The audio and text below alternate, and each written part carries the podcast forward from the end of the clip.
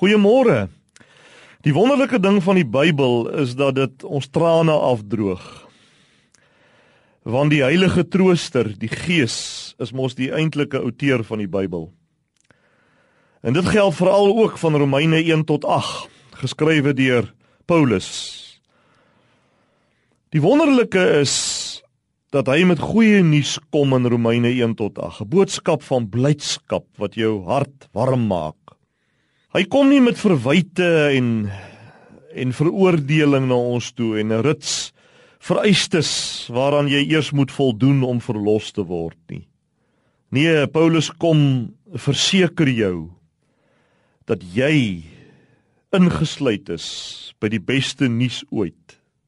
Daar byvoorbeeld in Romeine 1 vers 5 sê Paulus: My taak is om julle die goeie nuus te laat glo.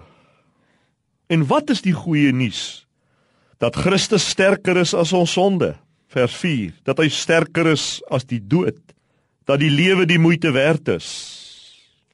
Dat Jesus vir jou sonde gesterf het. En vers 6 sê dat jy ook daarbey inbegrepe is. Jy is ook daarbey inbegrepe. Paulus hou as dit ware die deposito strokie in sy hand. En die deposito strokie is hierdie einste Romeine brief wat hy geskryf het.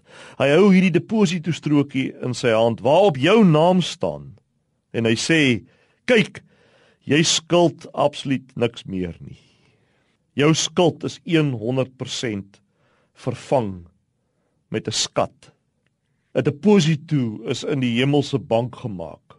Jesus het dit op Golgotha kant en klaar gedoen. Suksesvol gedoen. Dit is die krag van God waarmee jy hierdie dag mag aanpak. Kom ons bid net saam. Here Jesus, aan die begin van hierdie dag wil ek kom bely. Ek glo. Ek glo. Kom asseblief my ongeloof te help.